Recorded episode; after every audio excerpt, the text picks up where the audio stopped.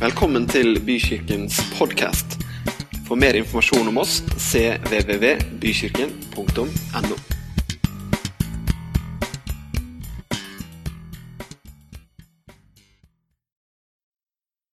Da har vi kommet til uke seks i 100 dager med Jesus. Dagens overskrift er 'Se Sønnen, se Jesus'. Og Vi skal starte med å lese et bibelvers. Johannes evangelium kapittel 6 og vers 40. For dette er min, fa, er, er min fars vilje, at hver den som ser Sønnen og tror på Han, skal ha evig liv, og jeg skal reise han opp på den siste dag. Gud ønsker at vi skal se Sønnen. Og gjennom å se Sønnen så skapes Guds guddommelige, evige, fantastiske liv i oss. I evangeliene i Det nye testamentet i Bibelen så kan vi lese om Jesu liv og virke på jorden. Rundt Jesus så var det mange ulike mennesker med ulik oppfatning og syn på Jesus. Noen så på Jesus som, som, som ikke noe mer enn sønn av Josef og Maria, snekker, sønnen Josef. Noen så på han som en utfordrer, en som kanskje kunne eh, utfordre deres posisjon, makt eh, og autoritet i samfunnet.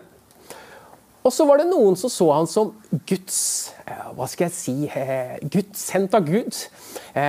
Guds sønn, og en som hadde, kunne formidle noe fra Gud. De som Jesus klarte å røre ved, de som fikk erfare Guds kraft i livet sine. Og de som fikk sine liv forvandlet, enten det var at de ble helbredet, fikk sine synder tilgitt osv., det var de som så noe mer enn en konkurrent. Det var de som så noe mer enn kun de menneskelige sidene ved Jesus. Det var de som så at han var Guds sønn, at han var verdens frelser, at han hadde noe å formidle fra Gud. Jesus hadde en innerste krets rundt seg. Disiplene ble de kalt. Eh, Jesus spør disiplene sine en gang hvem tror dere jeg er?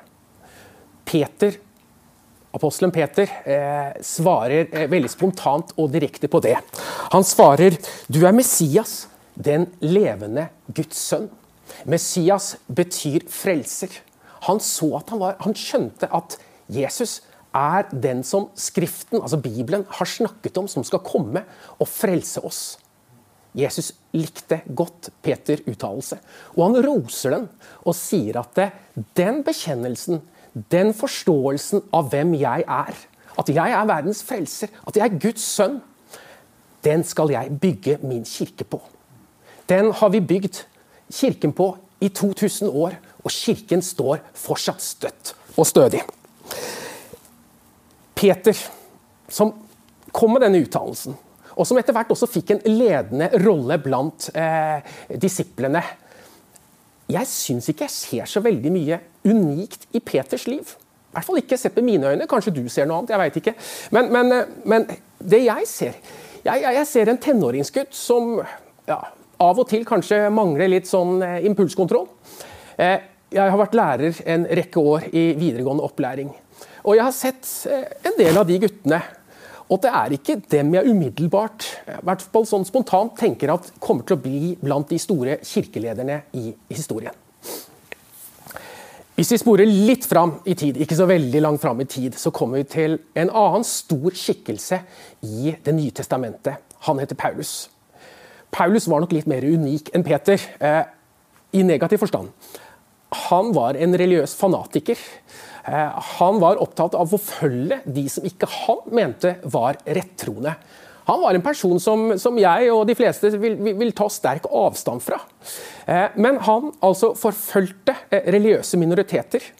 Han fengslet dem, satte dem i fengsler osv. Til og med sto han bakom drap på, på, på, på kristne. Men Paulus han fikk et møte med Jesus. Han så noe han ikke hadde sett før. Og det han så, revolusjonerte livet hans. Og han blei en av kirkens største, kanskje vi skal si største leder. Hvis vi sporer enda lenger fram i tid, hvis jeg går hva skal jeg si, 1400-1500 år fram til i tid, så kommer vi til 1500-tallet. På 1500-tallet i Tyskland så var det en mann som het Martin Luther, en munk som levde. Han, eh, han hadde studert Bibelen mye. Men en dag så ser han noe mer. Han ser noen nye sider ved Jesus som han ikke har sett før. Og det forandrer livet hans totalt. Han også var ganske sånn altså han, jeg, Det jeg kan lese om han, Jeg er historieinteressert og underviser i historie. Men jeg, jeg syns ikke han virker så veldig spesiell i utgangspunktet. Men han ser noe som gjør han spesiell. Han ser ting ved Jesus som han ikke har sett før. Og det endrer ikke bare livet hans veldig radikalt, men det endrer faktisk hele Europa. Eller i hvert fall store deler av Europa. Det, budskap, det han så, det var så kraftfullt at det skapte så store endringer. Nå har jeg snakket om Peter, jeg har snakket om Paulus og jeg har snakket om Luther. Kjente, store personligheter i kirkens historie. Jeg er overbevist om at skal vi forstå dem og det fotavtrykket de satte, ikke bare i seg selv, men i sine omgivelser, i historien, så må vi ikke forstå dem ut fra hvem dem var, men hva de, hva de så. For meg så, så, så, så, fremstår de ganske som, som, ganske hverdagslige mennesker, sånn som deg og meg. Men de så noe som skapte en stor endring i deres liv. Og det de så, var Jesus. Eh, jeg tror vi er ved kjernen Jeg tror jeg nå rører ved kjernen i den kristne tro. Kjernen i den kristne tro handler ikke om meg eller deg men det handler om Jesus. Det handler om å flytte blikket bort fra seg selv, sine egne tilkortekommelser, eh, sitt eget strev, og over på Jesus. Eh, jeg tror egentlig at hva du ser i Jesus, er avgjørende for hvordan ditt kristne liv blir. Det er avgjørende for om du lykkes med ditt kristne liv. Personlig så syns jeg det har også vært avgjørende for hvordan hele livet mitt er. Eh, jeg har lyst til å snakke litt om meg selv. Men meg selv blir kanskje litt galt å si, for det handler egentlig om mindre meg og mer Jesus. Disse personene som jeg har referert til, eh, den døren de åpnet og så gjennom, eh, det kan ikke jeg sammenligne meg med. Men kanskje jeg kan si at jeg har sett gjennom den samme døra, bare gjennom et nøkkelhulle. Men det lyset som har skint gjennom det nøkkelhullet, det er sterkt. altså. Og Jeg har lyst til å trekke fram tre punkter eh, ved Jesus som har satt markante spor i mitt liv. Og kanskje jeg skal si at det er såpass markant at det egentlig har revolusjonert litt mitt liv også. Det første jeg har lyst til å snakke om, er Jesus rettferdiggjøreren. Jeg underviser mye i religion, eh, og i flere religiøse tradisjoner. Og Det som ofte går igjen eh, i mange religiøse tradisjoner, i hvert fall hvis jeg forenkler litt, er at mennesket er sin egen frelser og redningsmann. Det er gjennom å ta de riktige valgene, oppføre seg riktig, eh, være god og snill osv. At jeg oppnår f.eks. god karma i buddhisme og hinduisme, eh, og på sikt kan få en bedre gjenfølelse og kanskje oppnå nirvana. Det er gjennom gode gjerninger, primært gode gjerninger i islam og mange andre religioner, at jeg gjør meg fortjent til Guds nåde, til evig liv og, og, og, og paradis i framtiden. Men i den kristne tro så er egentlig ting snudd litt på hodet. For der handler det ikke om meg lenger. Der er ikke jeg lenger min egen frelser eller min egen redningsmann. Det er ikke mine gjerninger. Det er ikke, måten, det er ikke, det er ikke hvor flink jeg er til å prestere, som avgjør om jeg er Guds barn eller ikke. I den kristne troen så er Jesus frelseren, ikke meg. Eh, Jesus omtaler seg selv som veien og døren inn til Guds rike. Det er ikke mine gjerninger. Det er ikke mine handlinger, Det er ikke mine prestasjoner som frelser meg. En venn sa til meg for noen dager siden, når vi, vi, når vi snakket litt om dette temaet her, han sa til meg at eh, inngangen noe i den duren her, altså, inngangen, eh, måten man blir en kristen, eh, måten man blir frelst på i, i, i den kristne troen, er Jesus pluss ingenting. Ferdig snakka. Det handler kun om Jesus. Han er den som frelser. Han er den som rettferdiggjør meg. Han er den som gjør meg skikket til, for Guds rike. Vet du hva? Det gir meg en utrolig hva skal jeg si, frimodighet. Kanskje jeg også kan si djervhet. Jeg føler meg så avslappa og fri. Jeg vet at jeg tilhører Gud. Jeg vet at jeg skal tilbringe evigheten med Gud. Det er jeg helt 100 sikker på. Og da tenker du, Hvordan kan du være så sikker på det? Fordi det handler ikke om meg, men det handler om Jesus. Vet du hva, Jeg behøver ikke gjøre masse gode gjerninger for å se bedre ut i Guds øyne. Det er fåfengt å pynte på Guds verk. Det Jesus har gjort for meg, det er mer enn nok. altså. Da er det ikke noe vits i å gjøre noe mer. Nummer to Jesus frigjøreren. Bibelen forteller oss at, eller Det står i Bibelen at eh, han har fridd oss ut av mørkets makt og satt oss over i sint elskede sønns rike.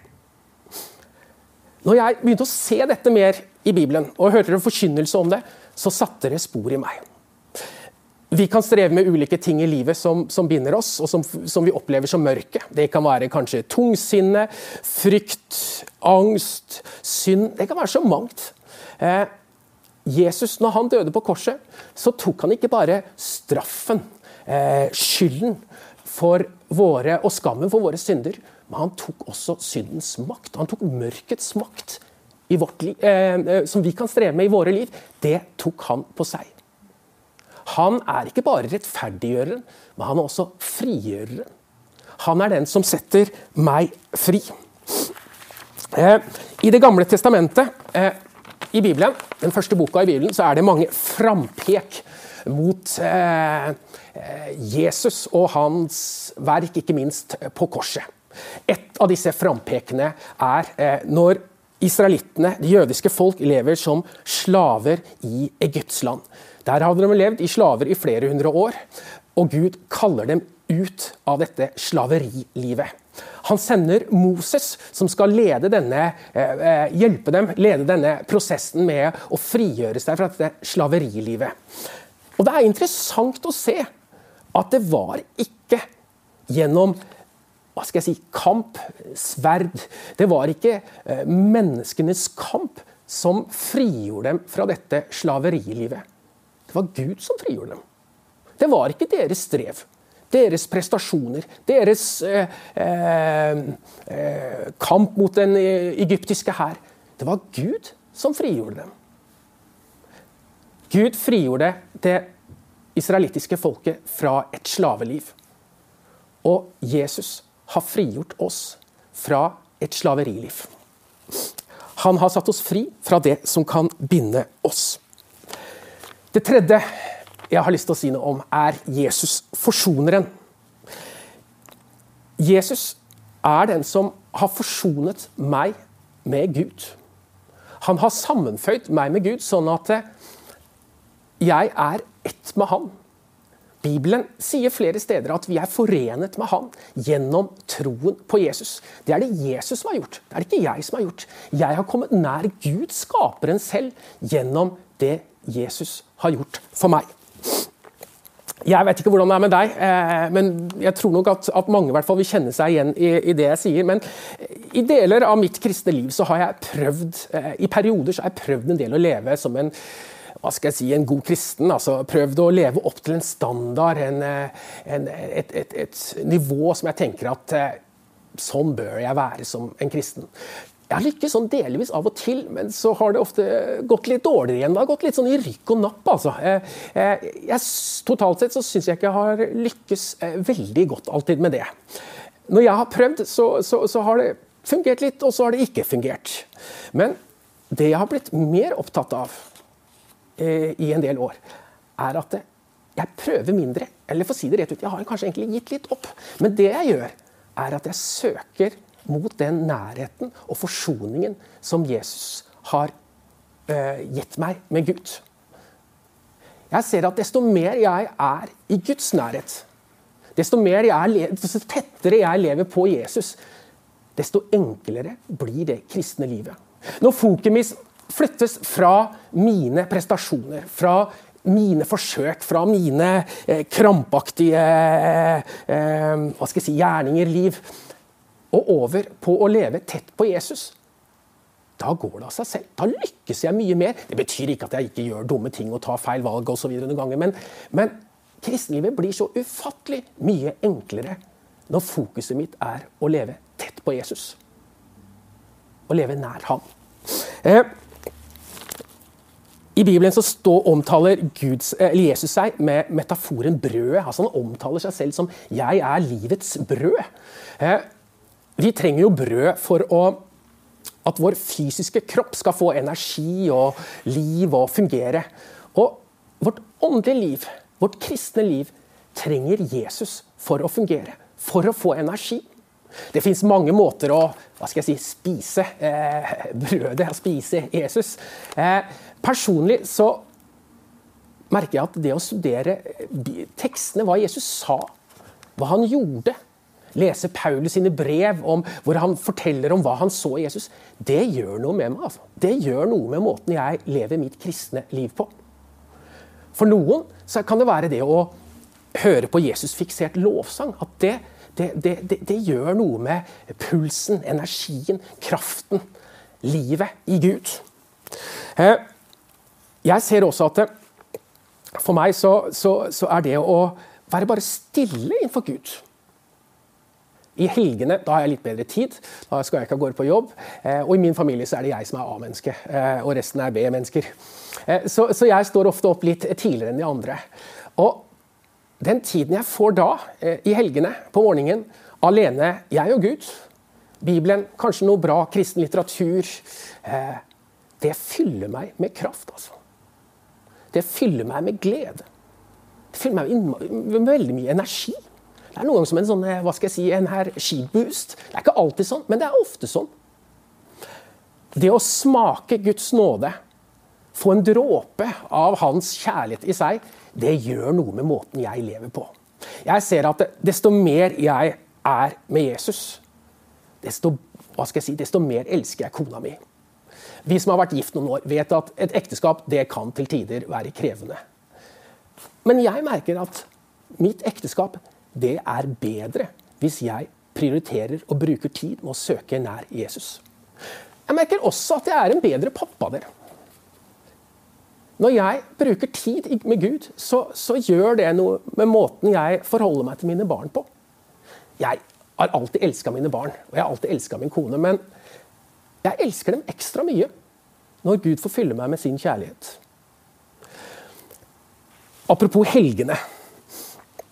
Eh, I helgene så, så ikke, ikke, ikke, alltid, men, men, stort sett, eh, i hvert fall veldig ofte, eh, så er det sånn at jeg etter noen timer vekker min kone med et kyss på kinnet.